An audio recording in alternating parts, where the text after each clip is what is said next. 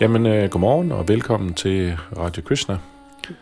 Vi er tilbage nu her og har fundet nogle, nogle emner, noget lokalt relevant stof, som vi vil vende og dreje på forskellige vis og kommentere lidt på.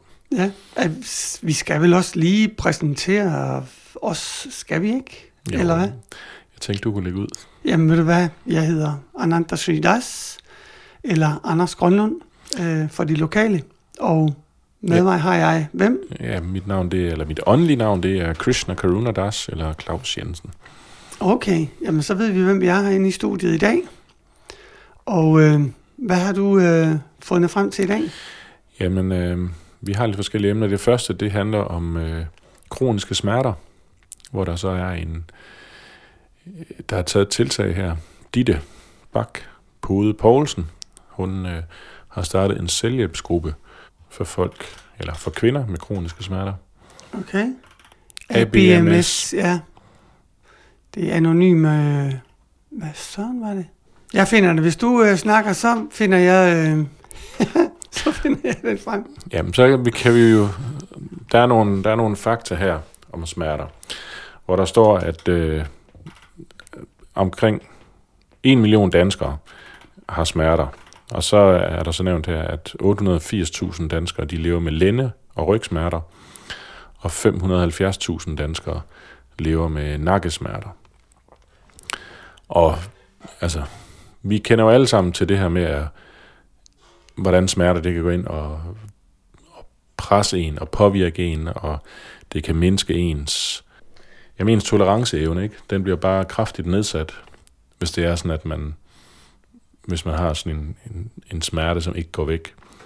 Øhm, og hvis det er kroniske smerter, det er jo så netop det, det betyder, det er, at det er noget, som er tilbagevendende, og som ikke forsvinder. Og hvis det er sådan, at du ikke har mulighed for at få behandling for de her smerter, så bliver det selvfølgelig ret indgribende i ens, i ens liv, i ens dagligdag.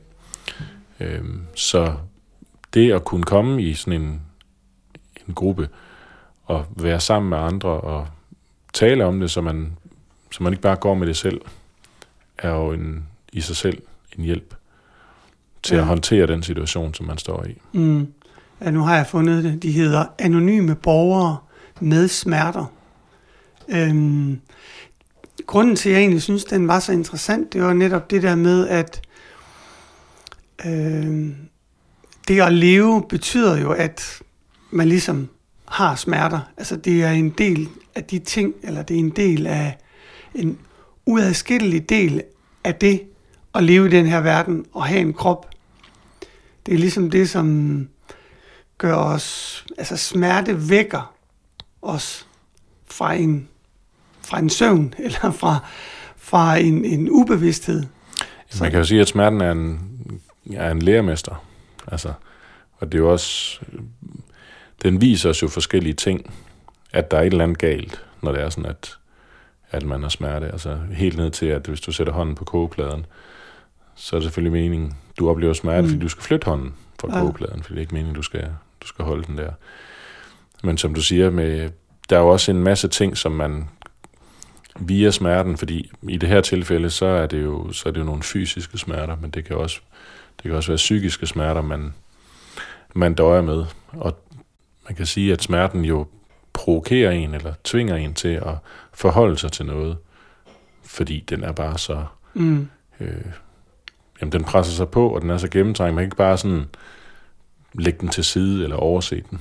Ja, altså det, som jeg også synes var ret interessant, det var det, at øh, der er selvfølgelig to forskellige slags smerter, i hvert fald i min optik. Altså den ene smerte, det er den, man kan gøre noget ved.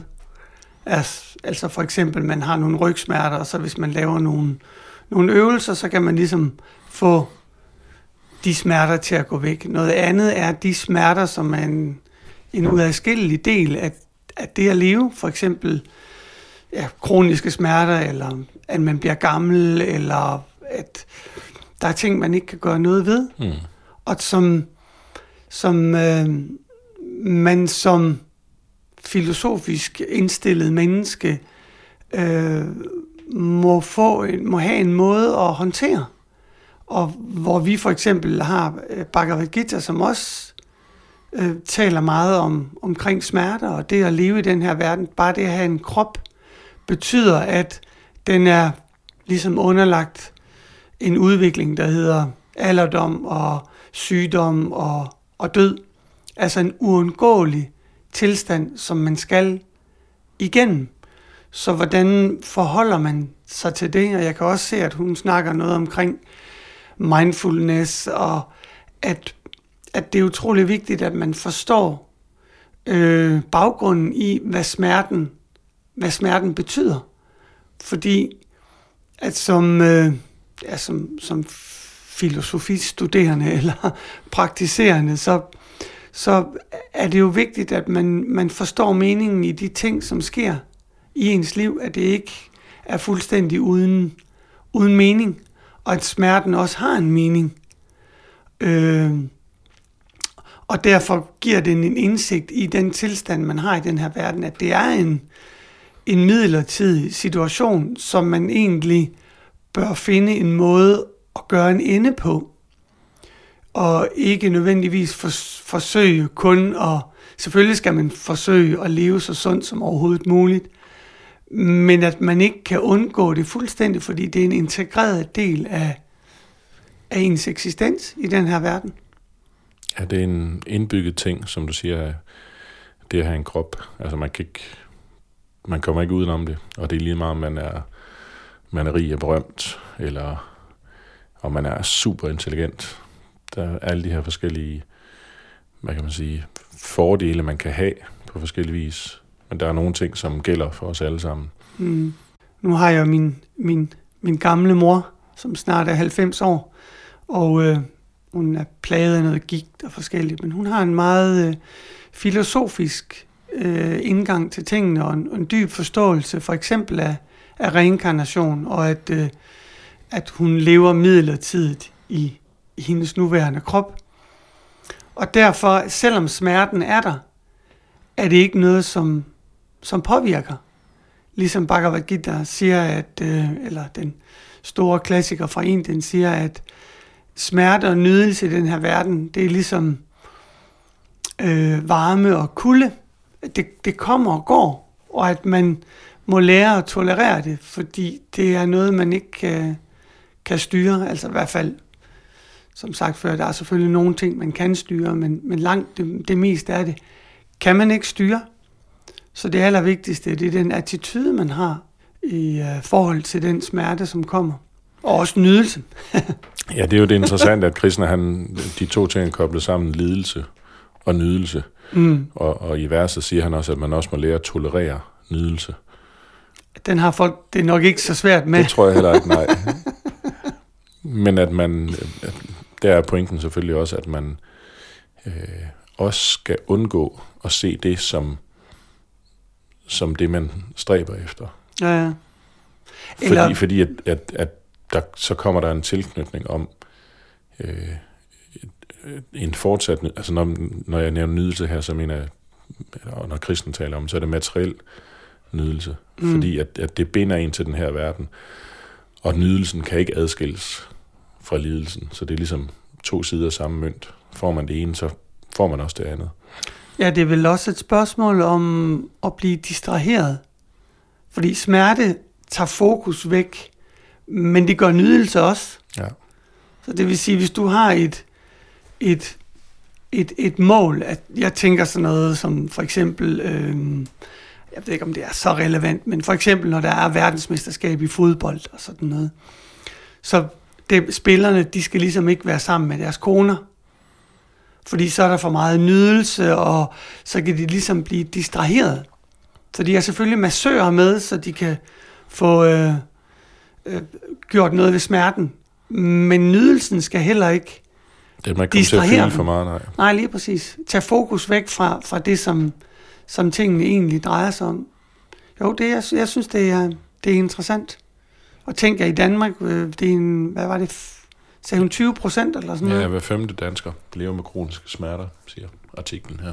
Så det er jo, det er jo en, en stor del af det. Og der er, der er nogen, der tager det bedre end andre, og det har jo meget at gøre med ens forståelse og ens tilgang til det. Og det afhænger jo selvfølgelig meget af ens øh, også spirituelle og ens øh, ja, spirituelle forståelse. Ja, smerterne bliver jo ikke løst. Det er jo heller ikke det, der er formålet med det. Og man kan også se, der er et citat her, der står, vi skal give plads til det gode og inspirere hinanden til et godt liv, mm. frem for at snakke om, hvor forfærdeligt det er. Så det er jo selvfølgelig også det, ja. man kan sige. Du kan jo intensivere, hvis smerten er der, og hvis du så fokuserer på den, så, så bliver det ligesom bare værre, hvor du bliver nødt til at gå en anden vej. Ja. Altså det måske heller ikke verdens bedste sammenligning, men ligesom hvis du, hvis du keder dig, så går tiden, den går enormt langsomt. Hvis du mm. så fokuserer på, hvor lang tid er der til det her, som er kedeligt, det er overstået, så føles det også bare som om tiden den går endnu længere, så der er nogle gange, så ting kan have sådan en selvforstærkende effekt. Så øhm, jamen et, et fint initiativ. Ligesom man siger inden for de forskellige øh, anonyme bevægelser, som AA og hvad der ellers er, at smerten er der stadigvæk. Altså, de siger jo også, øh, jeg er alkoholiker. Mm, ja. Jeg drikker bare ikke mere. Ja, trangen er der stadigvæk. Ja, så smerten er der stadigvæk, men ideen er, at man godt kan leve med det, uden at det forstyrrer en i så høj grad. Men det, øh, ja, det kræver nok øh, mere end blot lidt mindfulness. Det kræver måske lidt en dybere forståelse også, at vi ikke er kroppen, for ellers så bliver det svært at, at se bort fra. Ja, og som du nævnte, altså alderdom, den, den kommer til os alle sammen, den der ingen vej udenom, og det, Nej.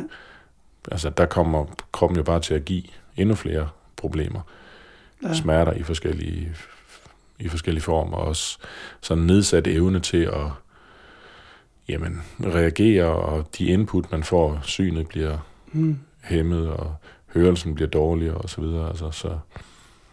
Ja, ja, man får jævnligt sådan, når man bliver ældre, så får man jævnligt, øh, hvad hedder sådan noget? En hilsen. Ja, et postkort fra døden. så øh, ja, jeg har også lige fået nye briller, apropos postkort fra døden. Og det går jo ikke den rigtige vej, det synet bliver jo ikke bedre. Nej. Skal vi tage et lille stykke musik, og så vi tager, hoppe, vi tager en pause, og så vender vi tilbage. Hopper vi lidt og elegant videre til næste tema.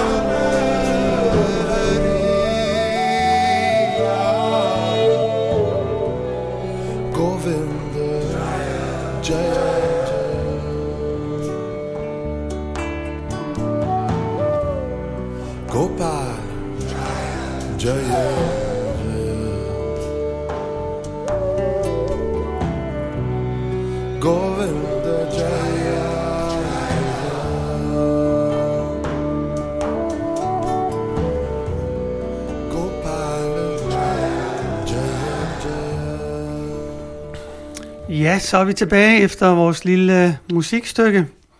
Og det er forår. Og hvad betyder det? Det betyder blå mandag. Og hvad betyder blå mandag? Det betyder Tivoli. Og hvad Eller betyder... konfirmation. Eller konfirmation. Men øh, det betyder faktisk også noget andet. Vil du øh, fortælle lidt om det? Jamen, øhm, det er fordi, der er en artikel her om, at flere de vælger en humanistisk konfirmation. Og så øh, overskriften her, der står der så også, at Laura siger ja, men ikke til Gud. Og at 200 unge vil konfirmeres ved humanistisk samfundsceremoni. Så som et alternativ, kan man sige, har Humanistisk Forening her, de har så lavet et, et ritual med, som en optakt til det, der de unge mennesker, som tilmelder sig, de, øh, de skal så gennemgå nogle forskellige ting, hvor de både diskuterer etik og filosofi, øh, som en forberedelse til, til den her ceremoni. Mm, mm. Et eller andet sted kan jeg godt forstå, ikke nødvendigvis, at de gør det til en humanistisk konfirmation, men at der måske kan være lidt modstand mod den måde, som konfirmation bliver gjort på i dag. Så nu kan jeg jo tale for mig selv. Altså, da jeg var 14 år, og hele min klasse skulle konfirmeres, så jeg troede på Gud, men jeg syntes, at tilgangen var så materialistisk og så overfladisk, at mange egentlig ikke gjorde det, fordi de troede på Gud, eller fordi de havde en religiøs indstilling, men egentlig mest gik op i pengene. Ja, Og så sagde jeg, det her, det, det gider jeg simpelthen ikke. Altså, så jeg kan godt forstå, at der er en, en, en, en modbevægelse, måske til den til tider lidt for overfladiske ceremoni, hvor, hvor, hvor det religiøse og hvor Gud egentlig spiller lige så lille en rolle, som, som Jesus gør juleaften. Men at man direkte tager en religiøs ceremoni, og så gør den til humanistisk, det ved jeg ikke. øh. Altså, jeg kan jo sige, at jeg er ikke blevet konfirmeret. Jeg blev ikke, øh, jeg blev ikke døbt. Mine forældre, de, de synes, det var et valg, jeg selv skulle tage, når det var sådan, at jeg... Øh, jamen, hvis det var det, jeg ville. Okay. Øh, så jeg er heller ikke konfirmeret, og jeg havde da, jeg holdt da en fest for øh, altså en nonfirmation, mm. som det er så åbenbart gået lidt imod at kalde det for en nonfirmation, så nu er det en konfirmation, det er bare noget andet, man konfirmerer, hvilket selvfølgelig også kan vir- virke sådan lidt, øh, lidt forvirrende.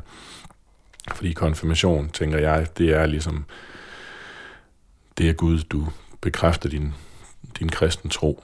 Ja. Det er i hvert fald sådan den, den gængse øh, brug af ordet her i Danmark. Øh, men, jeg vil da, men det var så også på det tidspunkt, var jeg ikke, jeg var ikke troende på det Mm. tidspunkt. Og det var det, fordi de andre skulle, der skulle konfirmeres, de havde en fest og inviterede venner og familie og fik gaver og penge og så videre. Så det var da min bevæggrund også dengang for det. Jeg kan også godt, jeg kan godt, også godt følge tanken om, at altså i tidligere tider har det også været sådan en, en overgang til voksenlivet. Det ved jeg ikke. Mm. Det er nok ikke lige helt sådan, det er mere, fordi der tror jeg nok mere, man vil sige, det er, når det er sådan, at du er 18, og du bliver myndig, og du får stemmeret. Det er sådan overgangen til voksenlivet. Altså, selvom man siger, at i gamle dage, der var man barn indtil man var 14, og så blev man voksen. Nu er det blevet sådan, at man er barn indtil man er 30. Men det var også fordi, at så, du kom jo typisk ud at tjene som 14-årig, Mm. når du blev konfirmeret. Ikke? Så det var ligesom, det var den måde, du trådte ind i voksenlivet på. Ikke? Ja, ja. Men jeg synes også, det er, det er jo også tidligt. De er jo meget unge til at kunne tage stilling til sådan noget. Det bliver jo tit et enten social pres, eller familiepres, eller øh, det, er- det er sjældent, at man ser, at, at børn virkelig har taget en, en stilling til det. Men det er vel også fordi, at vores samfund har ændret sig. Ikke? Altså hvor i tidligere tider Mm. var det mere praktiserende kristent, hvor nu om dagen er, altså, jeg vil da sige, at Danmark er mere et kulturkristent land, end det er et, altså, der er mange, som, hvis de tænker om sig selv som kristne, men hvor meget betyder det i hverdagen? Og nu skal vi selvfølgelig passe på ikke at træde vores lytte over tæerne. Det er jo altid med fare, Mm. fordi når man siger den slags. Og jeg tror også, det kommer meget an på, hvor man er fra, men det er bare mit indtryk, at øh, sådan den levende, praktiserede kristendom, at øh, det, for, sådan er det ikke for mange danskere. Det er mere de her store øh, begivenheder i form af dåb og konfirmation, og når der er sådan, folk bliver gift og så begravet, at det, det er mest sådan, man bruger, man bruger folkekirke. Det er jo også en bestyrkelse, altså konfirmation betyder at bestyrke noget, eller gøre noget stærkere. Så det er jo egentlig en ceremoni af noget, som bekræfter og bestyrker noget, som allerede eksisterer i forvejen. For eksempel en, øh, et giftermål, hvor der er et forhold i forvejen, som man så bestyrker og så forbinder, ja, selvfølgelig foran hele familien, øh, øh, men noget, som allerede eksisterer i forvejen, hvor det med konfirmationer ofte kan være noget, som overhovedet ikke har fyldt noget i dagligdagen, Mm. men som man siger, nå ja, nu skal vi også lige have Gud med ind. Så det er egentlig ikke så meget en, en bekræftelse af noget, som allerede eksisterer, men mere en, som du ser, en, mere en, en kulturel øh, begivenhed. Men jeg, jeg synes også, det er interessant, at netop humanisterne også øh, bekræfter det der med, at de gerne vil have en ceremoni. At ceremonier ja. er, er utrolig vigtige for, for mennesker, fordi det markerer nogle forskellige øh, tidspunkter og faser i vores liv, hvor vi tager nogle, nogle valg og nogle, tager nogle løfter. Øh, og, og det tror jeg også, altså det, sådan er det jo med, i hvert fald med sådan noget som et, et, et, et giftermål, hvor man en, et ægteskab, hvor man tager nogle løfter og giver hinanden nogle løfter, som måske godt kan være lidt hule. Og det er jo, det er jo tit det, som man kan se i en, en kirke under, under de her øh, slags ceremonier, at jeg har da snakket med, med folk under dåb og forskellige øh, situationer, hvor de står som Gud, gudfædre eller gudmødre, Mm. og skal love nogle ting, og hvor jeg så bagefter har spurgt, tror du på det, du lige har stået og sagt? Og vedkommende har jo så indrømmet, nej, det gør jeg egentlig ikke, men, men jeg vil gerne være der for mit, mit gudsbarn. Ja, men så er det vel også, at så er vi over i den, at så er det mere Mm. en kulturborgen ting, Øh, end det er sådan en, en dagligdags praktiseret kristendom. Og det tror jeg, det er der sådan de fleste danskere, de har det. mm, Men øh, altså, jeg tænker også, når jeg læser det her, fordi så var der, der er nævnt de her forskellige ting, som de så gennemgår op til. Øh, mm, Og det synes jeg, der er nogle fine ting at tale om etik og filosofi og menneskerettigheder. Men altså, jeg, jeg bliver også sådan lidt, at når det er sådan, at jamen, så vi skal, vi skal, det er det gode i menneskene, vi skal, hvad kan man sige, vi sætter pris på det gode i mennesker. Man kan godt være et godt menneske, uden at være troende og sådan noget. Ja, men det er bare, det er ikke givet, kan man sige. Hvis det er sådan, du ikke har en højere autoritet, som siger, hvad godt og ondt er, så har du ikke et referencepunkt på samme måde. mm. Altså, og så bliver det sådan lidt, når jeg synes det ene, og jeg synes det andet, men du kan ikke sige, at det her er godt, det her er ondt. Fordi altså, det, bliver en, det bliver en mening, hvis du ikke ligesom har en højere autoritet, som angiver, hvad er godt, og hvad er skidt. Og du på den måde har noget at følge. Grunden til, at de netop vil lave en ceremoni, som, som inkluderer, hvad sagde du, etik og Filosofi, filosofi og menneskerettigheder. menneskerettigheder, det er jo måske også et udtryk for, at meget af den religion, som man ser manifesteret i dag, mangler etik, filosofi og menneskerettigheder. Fordi, sådan som jeg ser det, så burde de tre ting være en dyb og integreret del af religion. Hvis man tror på Gud, så er det naturligt at have en etisk tilgang. Ikke bare sørge for, at menneskerettighederne bliver overholdt, men at man for eksempel ser, at alle levende væsener er en del af Gud, og derfor respekterer alle. Så der er dyrerettigheder og alle de andre rettigheder. Og, Planterettigheder. og filosofi, som jo også er et, en meget stort, hvad skal man sige, øh, burde være en meget stor del af ens religiøse tilgang. At religion ikke bare er et spørgsmål om at tro, men at tro det også bør baseres på viden.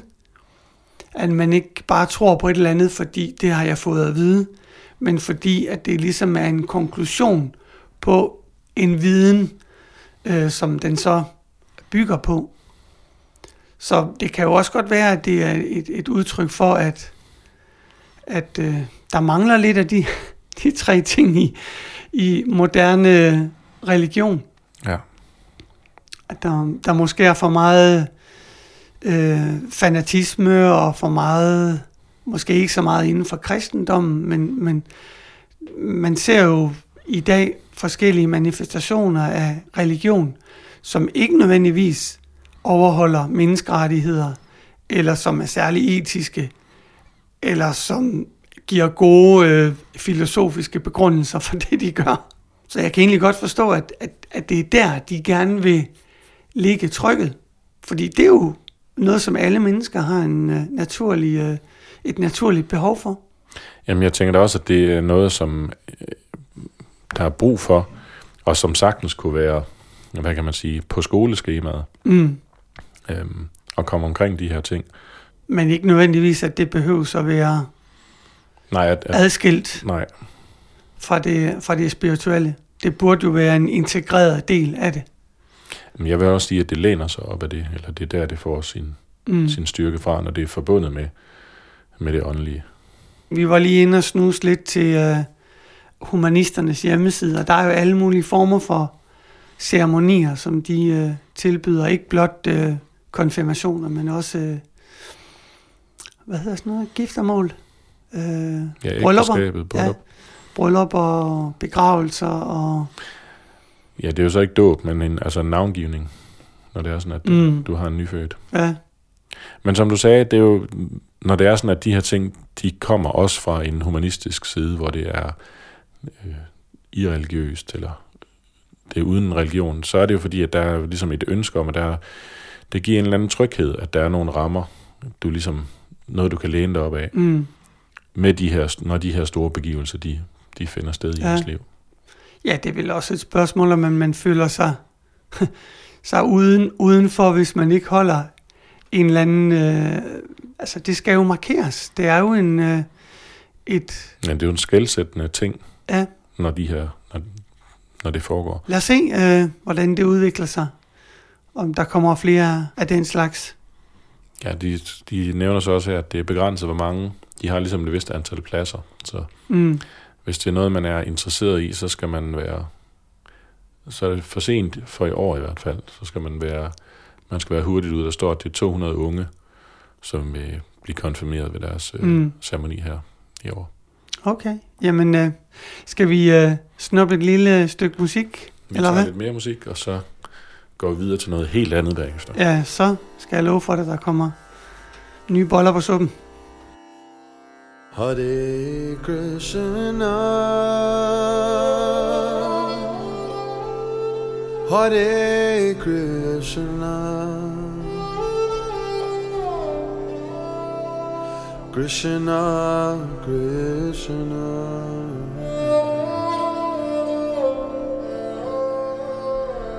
Hare Hare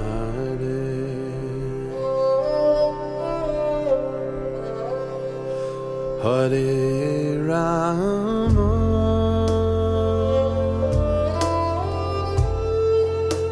Hare Rama.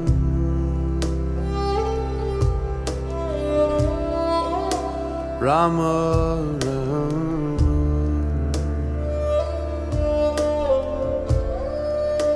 Hare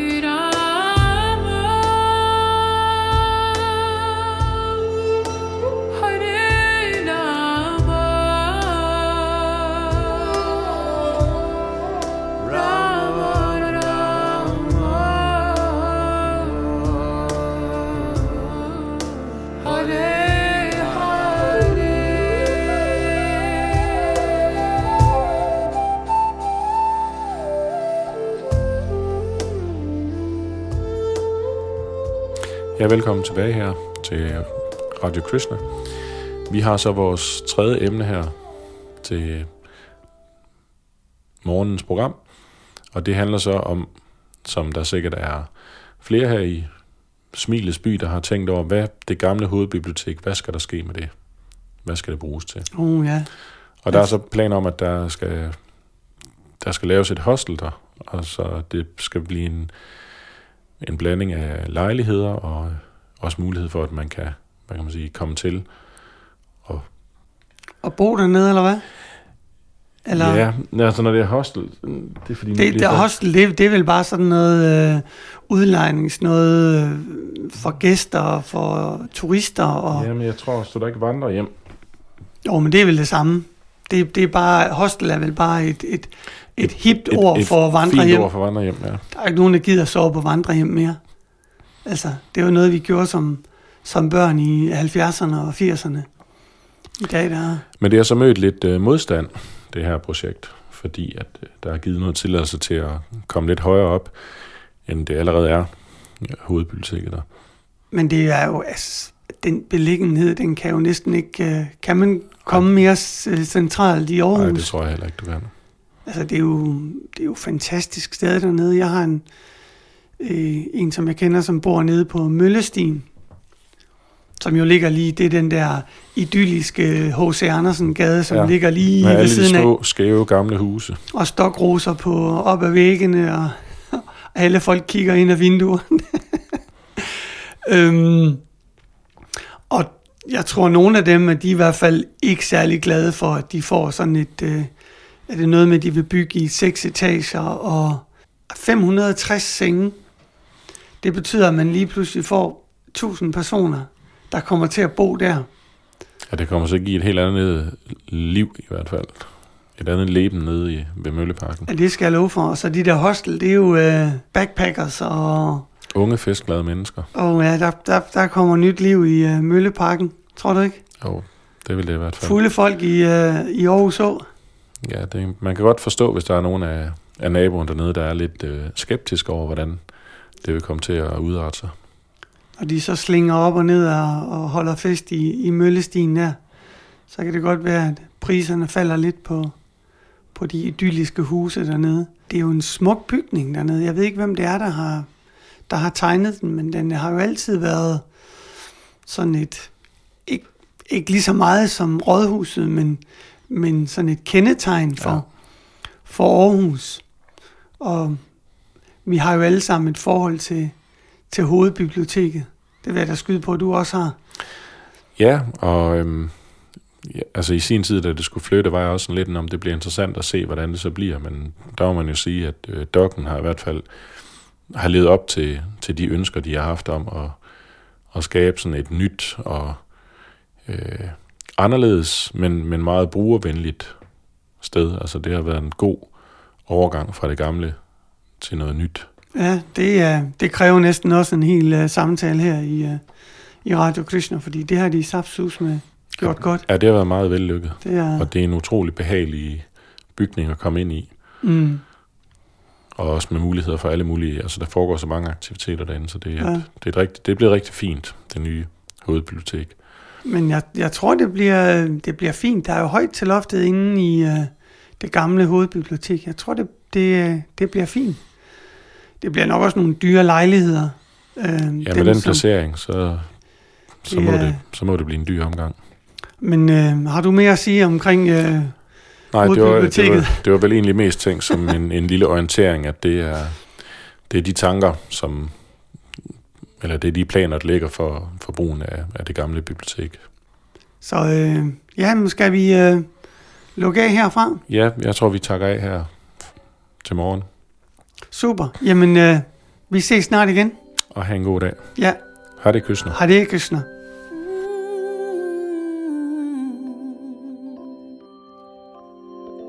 Wake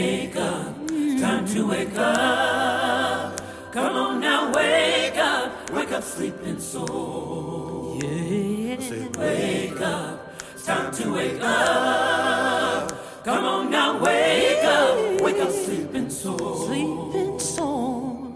Wake up, it's time to wake up.